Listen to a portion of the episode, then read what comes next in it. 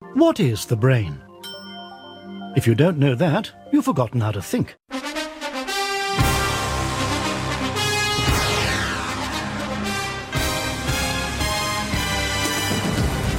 Please ensure you have your copybook at hand, as you'll be asked to take down notes from the screen at various points throughout the program. Du hører på uillustrert vitenskap.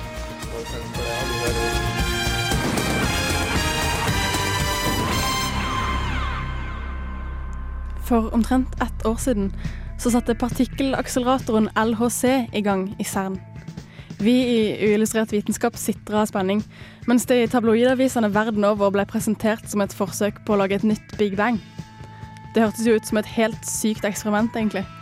Det jeg kan være enig i at det er sykt, er hvor mye dette eksperimentet har kosta. 25 milliarder kroner i alt, og forberedelsene hadde pågått i 30 år. I dag så skal vi utforske hvorfor sånn forskning ble gjort, og hvorfor det er så utrolig kult. Det blir en eh, teoretisk fysikk-ekstravaganza. Men aller først skal du få høre en liten sang med Friendly Fires 'Kiss of Life'.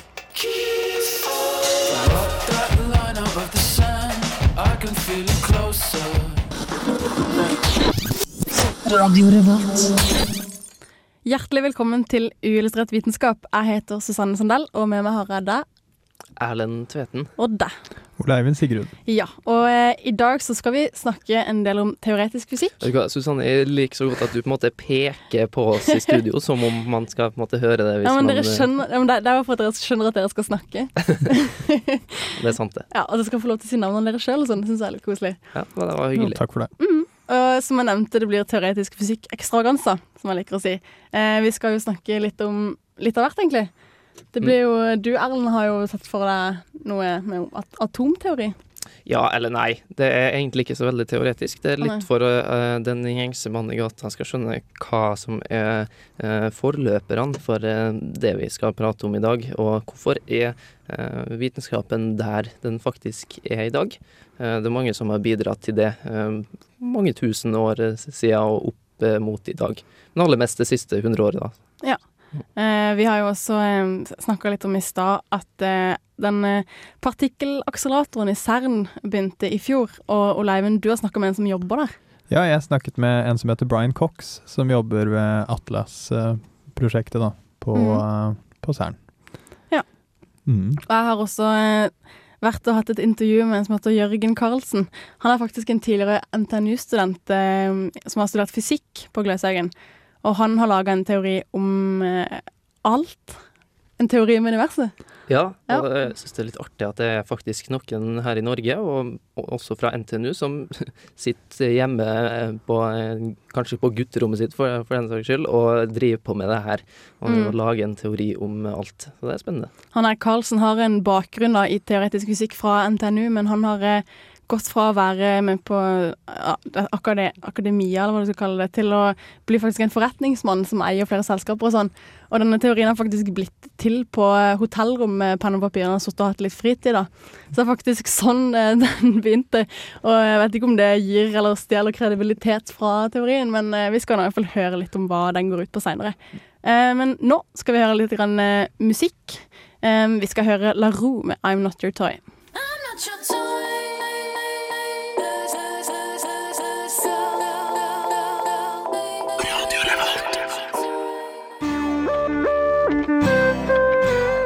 The BrainGate Neural Interface System is an investigational device designed to allow a physically disabled person to increase their independence by controlling a computer with their thoughts. Uillustrert vitenskap. Hvis det var noen tvil, du hører på Uillustrert vitenskap på Radio Revolt FM 97,9. Um, og nå skal vi gå litt tilbake i tid på en måte, og begynne på hvordan man fant ut at vi er bygd opp av små ting som heter atomer. Ja, det var faktisk en eh, fyr eh, for veldig, veldig lenge siden som kom med den eh, ideen først. Mm. Han heter Demokrit, men han fikk ikke helt gjennomslag for det på si tid, dessverre.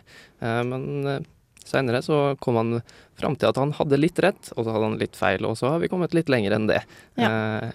Etter Ja, noen hundre år. Feltet teoretisk fysikk er jo en fantastisk ting, og apropos det, så har vi faktisk fått en gjest i studio i dag som vi skal snakke med litt seinere, som er doktorgradsstipendiat i teoretisk fysikk, som heter Lars Erlend Leganger. Men aller først så skal vi høre på eh, saken din, Erlend, om partiklenes historie. Forskere og vitenskapsmenn har opp gjennom historien prøvd å forklare hva verden faktisk består av. En av de første som kom med en rimelig oppegående teori om det som er rundt oss, var den greske filosofen Demokrit. Han var nok litt forut for sin tid, for han mente at all masse kunne deles opp i mindre og mindre biter, helt til man kom fram til den minste delen, nemlig atomet. Ordet atom kommer fra det greske atomos, som da selvfølgelig betyr udelelig. Demokrit hadde dessverre ikke den riktige teknologien til å bekrefte atomhypotesen på sin tid. Partikkelfysikken fikk seg en liten downer da andre greske filosofer med Aristoteles i spissen sørga for nesten 2000 år med de fire elementene jord, ild, luft og vann, i tillegg til et litt mystisk tomhetsstoff som blei kalt eteren.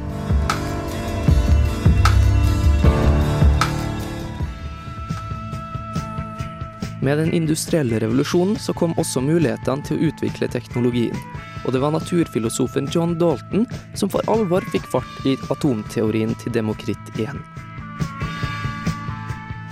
Men sjøl om alt etter hvert tyda på at stoff besto av et enormt antall bitte små partikler, så lurte det andre farer som gjorde ting mer kompliserte. Enkelte partikler oppførte seg litt som bølger, og enkelte bølger hadde så visst partikkelegenskaper. Til slutt var det Albert Einstein som lagde vei i vellinga, sammen med kvantemekanikkens fedre Max Planck og Niels Bohr tidlig på 1900-tallet. Einstein fastslo gjennom sin kjente ligning E er lik mc i andre at masse og energi egentlig er to sider av samme sak, og partikler og bølger er potato potato. Men atomets udelelighet var for alltid tapt etter kvantemekanikkens inntog. For flere og flere eksperiment som sprengte atomkjernene i stykker, viste at en hel haug med underlige ting spratt ut. I dagens partikkelfysikk har vi en hel familie av elementærpartikler. Noen av dem har masse, som barioner, mesoner og leptoner, mens andre i første rekke er kraftpartikler eller overskuddspartikler, som gluoner, bosoner, fotoner og nøytrinoer. Men vi bruker fortsatt samme teknikk for å finne ut mer om disse underlige partiklene. Nemlig å gi dem kjempestor fart, for så å la dem krasje inn i hverandre. Rundt står spente forskere med store øyne og gleder seg til å se resultatet. Det er dette som i all hovedsak skjer i CERN i Sveits, der Large Hadron Collider, verdens største partikkelakselerator, snart er operativ igjen. Oppdraget er gitt, man skal finne ut hva verden egentlig består av.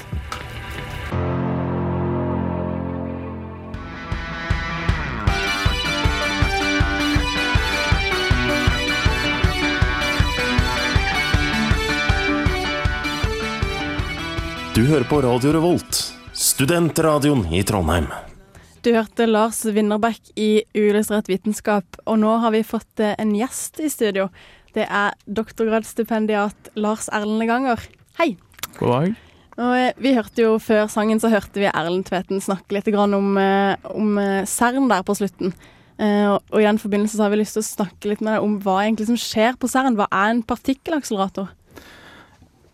Partikkelakselerator er en maskin som skal få en veldig liten bit med materie opp i veldig store hastigheter. Samle veldig mye energi i en liten klump med masse. Når du da kolliderer de klumpene, så får du samla mye energi på et bitte lite område. Og da ser du helt andre sider av naturen enn det du ser i det daglige. Da kan du observere naturen på en høyere energiskala, og vi får se hvordan universet oppførte seg under tilstander som minner om det som eksisterte rundt Big Bang. Det er jo det eh, endelige håpet med, med LHC. Få den opp i så stor energi at de energikonsentrasjonene som oppstår når partiklene i eh, LHC, partikkelakseleratoren, kolliderer, eh, at når de kolliderer, så får vi Big Bang-lignende tilstander i brøkdelen av et sekund. Mm. Hvor fort går disse partiklene egentlig? Ja, når, vi, når vi beveger oss på de energiområdene vi er her, så begynner det å snakke om hastighet og, og, og miste litt mening. Det vi, eh, de beveger seg med 99,999% av lyshastigheten. Okay. Så det er for all intents and purposes er det opp, altså, så nær lyshastigheten som det omtrent kommer. Men, mm. men eh, det er mer interessant å se på, se på hvor, hvor stor energi det har. Og, eh, og eh, når LHC skal, er eh, i operativ drift, hvis det skjer noen gang, så, så skal kollisjonene få en, få en energi på 14 teraelektronvolt. Så det, Det høres mye ut, i hvert fall. ja, det er relativt mye sammenligna med det vi er vant til til daglig. Mhm. Men um, da dette skulle jo starte opp i fjor høst, og det ble jo ganske mye sånn uh, blåst opp i avisene, da, om at dette her liksom At de prøvde å lage Big Bang, og at de kunne lage sorte hull som ville sluke hele jorda. Sånn, hva, er det noe hold i de uh, påstandene? Ja, et sort hull er noe vi tror vil oppstå dersom en konsentrasjon av masse blir så stor at, at gravitasjonskraften blir så sterk at ingenting slipper unna. Hvis du, hvis du kommer for nær det sorte hullet, så blir du fanget opp av, av, eh, av eh, gravitasjonskrefter og sugd inn i det, og da er du stort sett fanget. Og det man er redd for, eller var redd for, var at eh, man kunne skape mikroskopiske sorte hull når man smalt sammen disse partiklene, som ville sive sakte, men sikkert inn mot jordas sentrum og klumpe seg sammen der og begynne å ese ut etter hvert som tida gikk. Og jo, disse sorte, eh, jo, jo større disse sorte hullene blir, jo fortere, begynner, jo fortere vokser de når de har masse tilgjengelig rundt seg. Så da tenkte man seg at man gikk rundt på jordas overflate og ante fred og ingen fare, mens et sort hull sakte ble større og større i jordas kjerne. Og så en dag ble plutselig hele jorda slukt inn i et sort hull. Men er det noe fare for at det faktisk kommer til å skje? Fysikere sier eh, aldri, aldri. Eh, Men eh, det er veldig lite sannsynlig, for å si det sånn. Sist gang fysikere drev med ting som fikk masse oppmerksomhet av media, eh, Manhattan Project, da vi skulle lage atombomber, så satt de og lurte på om det ikke kunne hende at man antente hele atmosfæren når man eh, detonerte den første atombomba. De satt og regna på det, og ja, det virka ikke sannsynlig, men, men, men kanskje er det slik at når vi smeller av atombomba, så begynner nitrogen i lufta å fusjonere, og hele atmosfæren blir en gigantisk ildstorm som utraderer alt liv på jorda. Så da var det noen fysikere som skrev en rapport sånn Dette er veldig lite sannsynlig, men det kan hende vi setter fyr på jordkloden. Og Oppenheimer var forferdelig oppgitt over at de fysikerne hans sendte den rapporten videre til Washington. For uh, du, når du leser den setningen, så biter du deg ikke merke i dette er ekstremt lite sannsynlig. Da biter du deg merke i ut, utradere alt liv på jorda. Og, og sånn sett, ja, og sånn sett er det jo Det gikk jo bra den gang. Og jeg tror det skal gå bra nå også, selv om jeg skjønner at, at folk legger mer vekt på sort hull sluke jorda enn veldig lite sannsynlig at det kommer til å skje. Men har, han, eh, har det vært oppstått sånne sorte hull, vet vi det? Eh, har de krasja noen partikler sammen i akseleratoren ennå? De har, eh, de har kjørt noen, noen prøveomganger, men ikke ved maksimal energi ennå. Ok. Og, og de har ikke sett eh, signaturene til sorte hull. De har veldig karakteristisk eh, eh, henfallsspekter. Altså, hvis et sort hull oppstår i en detektor og, og, og eh, forsvinner igjen, så, så ville vi sett det klart. Okay. Men, men eh, eh, Nei, man har ikke sett at sort, sort, sorte hull har oppstått. Det har man ikke. Eh, noe av de som er redd for at uh, sorte hull skal oppstå, vil jo da anta at sorte hullene oppstår og så ramler ut av detektoren før man merker mer tider, sånn at man kjører og går og ser ikke noe til eh, hva man er i ferd med å skape. Så det er kanskje ikke det beste argumentet, det. Men eh, man har nå regna på det og kommet fram til at det er særdeles usannsynlig at det skal skje. Mm. Eh, vi skal snakke mer med deg etterpå, eh, og da kommer vi til å komme litt inn på hvorfor vi velger å gjøre disse eksperimentene, og hva vi kan kanskje forvente oss å finne ut. da. Men Ole Eivind, du var jo i London nettopp, du. Ja, og der møtte jeg en kar som heter Brian Cox, eh, som eh, jobber med LHC på CERN. Ja, og Vi skal få, få vite litt om hva dere snakker om nå. Brian Cox er en professor i partikkelfysikk ved universitetet i Manchester, og jobber for tiden på Atlas-eksperimentet ved Large Hadron Collider, eller LHC, ved CERN. Han er også en ivrig vitenskapsformidler med sin egen podkast, CERN-podkasten, i tillegg til å ha medvirket i en rekke BBC-dokumentarer. Jeg fikk anledning til å snakke med ham etter en forelesning om hva LHC er. It's uh, 27 kilometers in circumference. Um, it collides beams of protons together. Those protons are traveling at 99.99999% the speed of light. Um, huge amount of energy contained in the beams. And uh, the job is to recreate high temperature conditions. You can say in kind of press terms that that's the conditions that were present less than a billionth of a second after the universe began, which is uh, what you might call a model dependent statement because it depends on how you think the universe began. and so, so uh, really, what it's doing is going to energies where our current description of the universe breaks down, our current description of physics breaks down, and we know exactly where to look um, for the place where our knowledge stops, basically. To conservation of energy and the particles appear clear as can be. En av partiklene de ser etter, er Higgs-bosonen. Notice there ain't nothing going the. The, the Higgs particle generates mass for the particles, for all the particles in the universe, in the standard model. So that's in our theory of, of physics, really, the forces of nature that we have at the moment. That might not be a correct statement, though, because we haven't discovered it yet. And so the LHC's been built to either find the Higgs particle or absolutely definitely say that it doesn't exist. And if that's true, then we will see whatever the mechanism is for generating mass in the universe. Which sounds a bit esoteric, but actually it's the place where our understanding of nature stops at the moment. So, so the Higgs particle is, in a way, a door that needs to be opened. Wh- Whatever generates mass in the universe, we need to know before we can progress to a deeper understanding. This back when the universe starts, the Big Bang. Back when all the matter exploded, but the amount of antimatter was somehow eroded. I tillegg til avgjørende informasjon om universet på partikkelnivå, kan LHC forhåpentlig opplyse oss om et av de store spørsmålene innen astronomi og kosmologi mørk materie. Astronomers tell us, and they've got very good evidence from all sorts of sources, the way that galaxies rotate, the way that galaxies move, that there's a lot more matter in the universe than we can see. And we are fairly certain, or very certain, that it's not the kind of matter that you and me are made of. So it's probably some other kind of particle that, that exists that we've yet to discover. And we have candidates for that in, in, in theories of particle physics called supersymmetric theories. We have new particles that are suggested, are postulated to exist, that can perform that function. They weren't introduced for that reason, but they match what the astronomers need.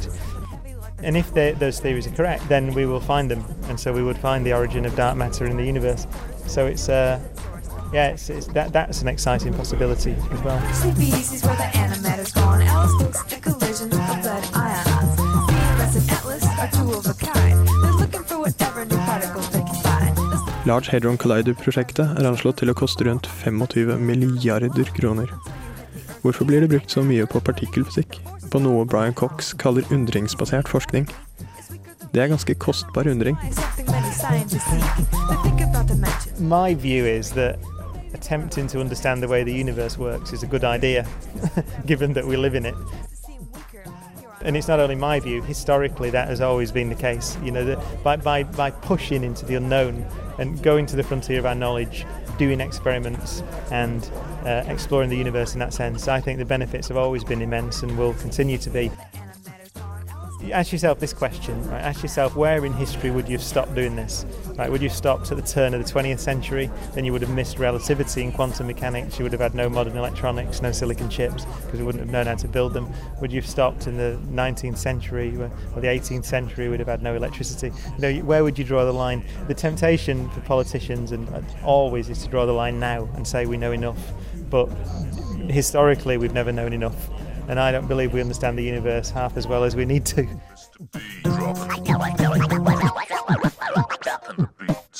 Alpine Cat, over and out. Radio Revolt på FM 97,9. Da hørte vi deg, Ole Eivind, snakke med Brian Cox i London. Eh, og vi har jo fremdeles gjesten vår her, eh, Lars Erlend Leganger, som er doktorgradsstipendiat her ved NTNU. Um, vi fikk jo høre veldig mye forskjellig nå i denne Ja. intervjuet. Men, Og han, Brian Cox han snakket jo blant annet en del om eh, Higgs-bosone, eller Higgs-partikkelen. Eh, og eh, Kunne du kanskje forklare litt hva er det, og eh, hvorfor antar vi at den eksisterer? Higgs-partikkelen er den eneste byggesteinen i den, i den eh, modellen vi ser for oss at, eh, at universet er bygd opp av. Så er Higgs-partikkelen den eneste byggesteinen som vi ikke har sett ennå. Eh, Vi har en modell som har kommet med ekstremt mange eh, sterke hypoteser som har blitt uh, bekrefta i ettertid, og som kan forklare veldig mye, veldig presist, av, av eh, den naturen vi ser rundt oss på de energiområdene vi har kunnet gjøre eksperimenter på fram til i dag. Men hvis den modellen skal stemme, så må det finnes én partikkel til som vi ikke har sett ennå. En Higgs-partikkel som forenkla sett har hovedansvaret for å gi forskjellige masser til forskjellige partikler.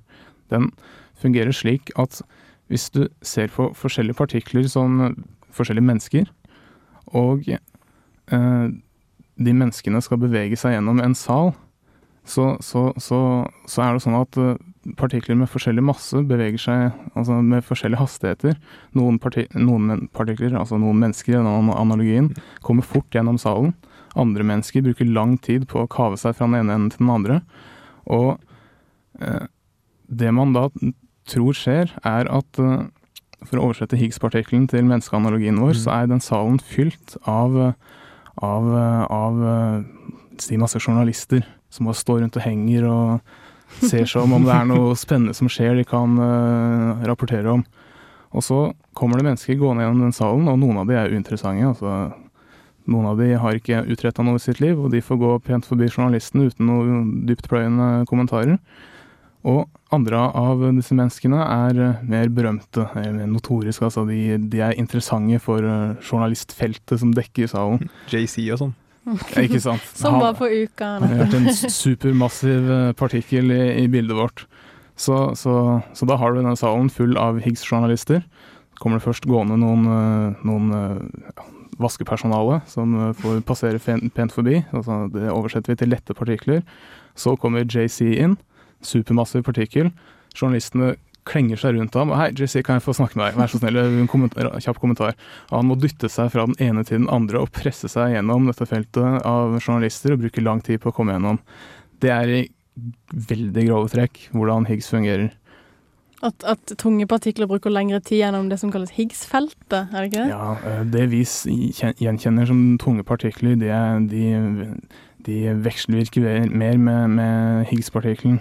Så de, Mm. kan si, de spretter oftere i Higgser på sin vei gjennom universet. Jeg hadde aldri trodd jeg skulle få forklart Higgs-partikkelen på en så kreativ måte. Um, nå skal vi ta oss en liten pause. Vi skal høre på Yacht med The Afterlife.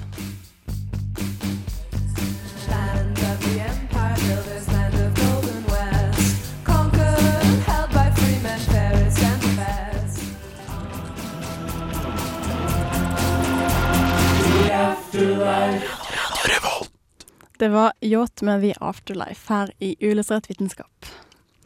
Mm. Mm. Eh, Det var veldig interessant å høre eh, om eh, denne Higgs-partikkelen, og hva vi faktisk prøve å lete etter. Hva er det som på en måte implementerer de, eh, de teoriene vi har allerede i dag, og hva er det vi mangler. Eh, og det som også er litt spennende, er noe du har tatt for deg i dag, eh, Susanne. Og det er en fyr faktisk som har studert her oppe ved NTNU, eh, studert fysikk, og han har lagd sin egen teori om alt. En enhetsteori for universet, altså. Ja. Så han lagde en teori som vi egentlig ikke har helt enda. Eh, men spørsmålet om den er riktig eller ikke, det eh, Det får vi ikke vite ennå, tror jeg. Nei. Eh, men det er i hvert fall spennende at det er noen her i Norge som gjør det her. Så kan ikke vi bare høre litt på det? Jeg har alltid kjørt meg fast i selvmotsigelser, inntil jeg da som ørtende forsøk fikk eh, den ideen med denne mini-Higgsen. De fleste av oss har nok sittet og tenkt på hvordan det hele henger sammen. Jørgen Karlsen, forretningsmann og fysikkutdanner ved NTNU, har tatt det hele et skritt videre. Mange steder i verden sitter de teoretiske fysikerne og prøver å finne en teori for alt. En teori som knytter sammen de mystiske tingene som skjer på nanonivå, med de tingene som skjer med oss mennesker i større skala. Hele tida holdt et øye på fysikken. Brukt en del tid når jeg har vært ute på reiser og sånt til å regne litt på ting og, og jobbe med ting. Og en god del teorier, da. Jørgen Carlsen har under sine reiser fått mye tid til å tenke over de virkelig store ting her i livet, og har laga en teori kalt 'Forces by Proxy', som man kan finne på hans nettside principlephysics.com. Jeg hadde fått høre at Carlsen mente at det fantes en slags eter. Det trodde jeg hørte oldtidens verdensbilde til, og at det ble motbevist for lenge siden. Det ble bevist at det ikke kunne eksistere, og det er riktig. Men si at du motbeviser at masseløs luft ikke kan skape luftstrømmer, så har du likevel ikke motbevist meteorologien og at du kan ha trykkforskjeller så lenge du har en eh, luft som inneholder masse. Og det er her poenget mitt ligger, at jeg har definert en underliggende partikkel som ikke bare har den masse, men den er definisjon av masse. Jeg kaller den ofte for en mini-Higgs-partikkel, fordi den gir energi til alle kjente partikler, altså protoner, nøytroner, elektroner og fotoner. Han kaller altså partikkelen for mini-Higgsen, og det er kjernen i teorien. Han mener mini-Higgsen lager en mye mer presis forklaring enn det den etablerte kvantemekanikken gjør. må man være klar over at kvantemekanikken ikke kan eksistere uten en form for eter. Eh, Det er det de i kvantemekanikken kaller vakuumenergi, og der har de da vært eh, såpass eh, lure at de har latt være å definere hva vakuumenergien egentlig er, fordi det har de ikke klart å, å komme fram til. Og min teori tar utgangspunkt i en presis definisjon av hva vakuumenergien består av, og hvordan den vekselvirker med partikler. Atomet var lenge ment å være udelelig. Det er det ordet atom kommer fra. Nå vet vi at atomer består av protoner, nøytroner og elektroner. Men dette er ikke de minste bestanddelene. I Carlsen sin teori er det mini-Higgsen som er den minste bestanddelen, og faktisk består protoner og nøytroner av disse. Han forklarte det hele med en analogi. Si at du trekker ei snor over en elv ved brygga til Hansen, og så trekker du en annen snor ved brygga til Jensen. Eh, Hvis du sier at et eh, proton, altså en bitte liten partikkel, tilsvarer hele det, eh, det, den elvebiten mellom de to snorene, da, så vil det jo flyte mye vann inn der. Men da ser jeg altså på et proton som elveleie, og så ser jeg på vannet mer som den partikkelen som flyter inn, holder seg i partikkelen en stund og flyter ut på den andre siden. En av de mest populære teoriene om universet er strengteorien. Den har fått kritikk for å være ekstremt komplisert, noe Carlsen også mener. Strengteorien den eh, inneholder bortimot eh, elleve dimensjoner. Den har så mange parametere du kan tilpasse at eh, den er omtrent umulig å motbevise, fordi de, da tar de bare og forandrer på en parameter. Altså. Men den har heller aldri kunnet forutsi noen ting som helst. Teorien til Carlsen er såpass spesifikk at han mener at han er lett å motbevise. Men før han har kommet så langt, er han nødt til å utvikle noe som heter feltteori, ut ifra sin teori om minipartikkelen. I den forbindelsen så trenger han hjelp fra matematiske fysikere, og han har nettopp vært i USA for å presentere teorien sin. Det er ennå for tidlig å si noe mer, men vi i Uillustrert vitenskap vil holde et øye med Jørgen Carlsen. Vi ville i alle fall blitt veldig stolte om en tidligere Gløshaugen-student hadde funnet en teori om universet. Hey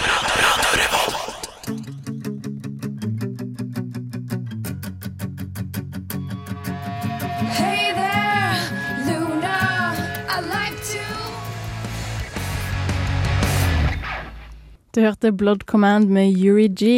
Og før det så hørte vi meg, som snakka med en som het Jørgen Karlsen, som har laga en eh, enhetsteori. Eh, Vi har fremdeles eh, gjesten vår, doktorgradsstipendiat Lars Erlend Ganger, i studio. Han som vi hørte nå, han var jo ikke helt enig med standardmodellene. Han mener jo at det var enkelte partikler der som ikke trengs, og at han måtte erstatte de med sin egen. Hvor sikre er vi på at standardmodellen stemmer, egentlig? Det vi er sikre på, er at standardmodellen eh, For det første så passer den ekstremt godt med veldig mange eksperimenter vi har gjort. Og eh, opp gjennom utviklingen av den, så har den også kommet med veldig mange hypoteser. Altså man har foreslått ok, hvis standardmodellen stemmer, så må det finnes en partikkel som er omtrent slik og har disse egenskapene. Sånn at hvis vi bygger denne detektoren og kolliderer disse tingene og kikker her og her, så, så finner vi en ny partikkel som skal være sånn og sånn og sånn. Ekstremt spesifikke spådommer som har stemt på en prikk. Er det noe som ikke har stemt ennå? Eh, Du kan si I utviklingen av teorien så har man jo hele tida hatt forskjellige varianter. Eh, og så har man gjort eksperimenter, og så har man funnet ok, eh, det stemte ikke, det stemte ikke. Denne formuleringen her stemte, den går vi videre med. Så det er en gradvis prosess hele, hele tiden. sant? Akkurat som man nå prøver å eh, kanskje utvide standardmodellen ut mot høyere energiområder og, og koble inn supersymmetri og mye styr vi ikke skal gå inn på her. Men, men der også er det mange forskjellige eh, varianter, formuleringer. Og så håper man man kan få resultater fra LHC etter hvert som sier hvilke av disse som, som, som stemmer. Men det er jo det vi var så vidt inne på i stad, at eh, det er én partikkel som eh, standardmodellen er helt avhengig av at eksisterer, som vi ikke har sett ennå, denne Higgsen. Så eh, du kan si det er det eneste som kan felle standardmodellen foreløpig. Dersom LHC kommer i gang og ingenting mer eh, kollapser, og den får eh, kjørt og, og samla masse data og studert det energiområdet der vi vet det må være en, en form for Higgs av et eller annet slag hvis standardmodellen stemmer. Hvis vi leter og leter på LHC og det ikke dukker opp noen Higgs, da har man ikke noe annet valg enn å si ok, standardmodellen beskrev veldig mye kjempebra og kom med mange spådommer som, eh, så nøyaktig ut, men den kan ikke stemme, for da vi har ikke noe Higgs. Står man kanskje overfor et paradigmeskifte i eh, fysikken da? Hvis Higgs ikke dukker opp, så har vi, eh, om ikke et paradigmeskifte, vi vil jo ikke forkaste den underliggende kvantefeltet, og sånt, men da mister vi modellen vår, kan du si. Da må vi begynne på nytt, så da blir det veldig spennende å være fysiker. Ja, det kan bli eh, helt sinnssykt spennende. Men hvor, hvor sikre er vi egentlig på at Higgs-partikkelen finnes, da? Sitter alle bare helt 100% nesten, eller hvordan? En fysiker er aldri 100% sikker på noe som helst, men eh, det blir litt som å slippe et eple 9999 ganger. Eh, den titusende gangen du slipper, så forventer du at det ramler ned den gangen også. Ja. og det, det er litt der det er. Eh, vi har sett så mange andre ting som tyder på at den standardmodellen har et eller annet for seg. Sånn at dersom nå det siste vesle kastet av eplet skal vise seg at, eh, at, eh, Mm. at det ikke stemmer, så blir det veldig spennende, for da er det noe som må ligne ekstremt mye på standardmodellen på mange måter, men som ikke er standardmodellen, og da blir det interessant å se hvem som pønsker ut hva som Ja. er det. Tusen takk til deg, Lars Erlende Ganger. Nå skal vi høre First Aid Kit med Cross, Cross Oceans.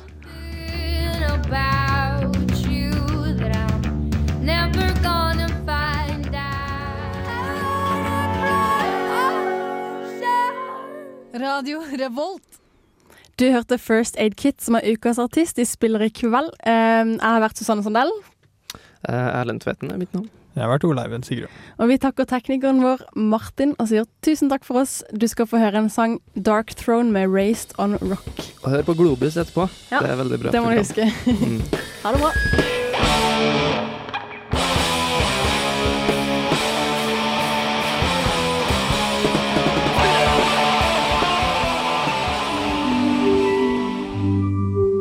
Uillustrert vitenskap er Midt-Norges eneste teknologimagasin på lokalradio. Og vi snakker om alt fra populærvitenskap til sære forskningsprosjekt ved NTNU. Radio Revolt, studentradioen i Trondheim, er stolt av å kunne presentere podkaster fra de aller mest populære programmene våre. Hvis du har lyst til å høre mer fra Radio Revolt, hvem vi er og hva slags musikk vi spiller, så kan du høre oss på FM-båndet i Trondheimsregionen, eller streame sendingene våre live på radiorevolt.no. Thank you.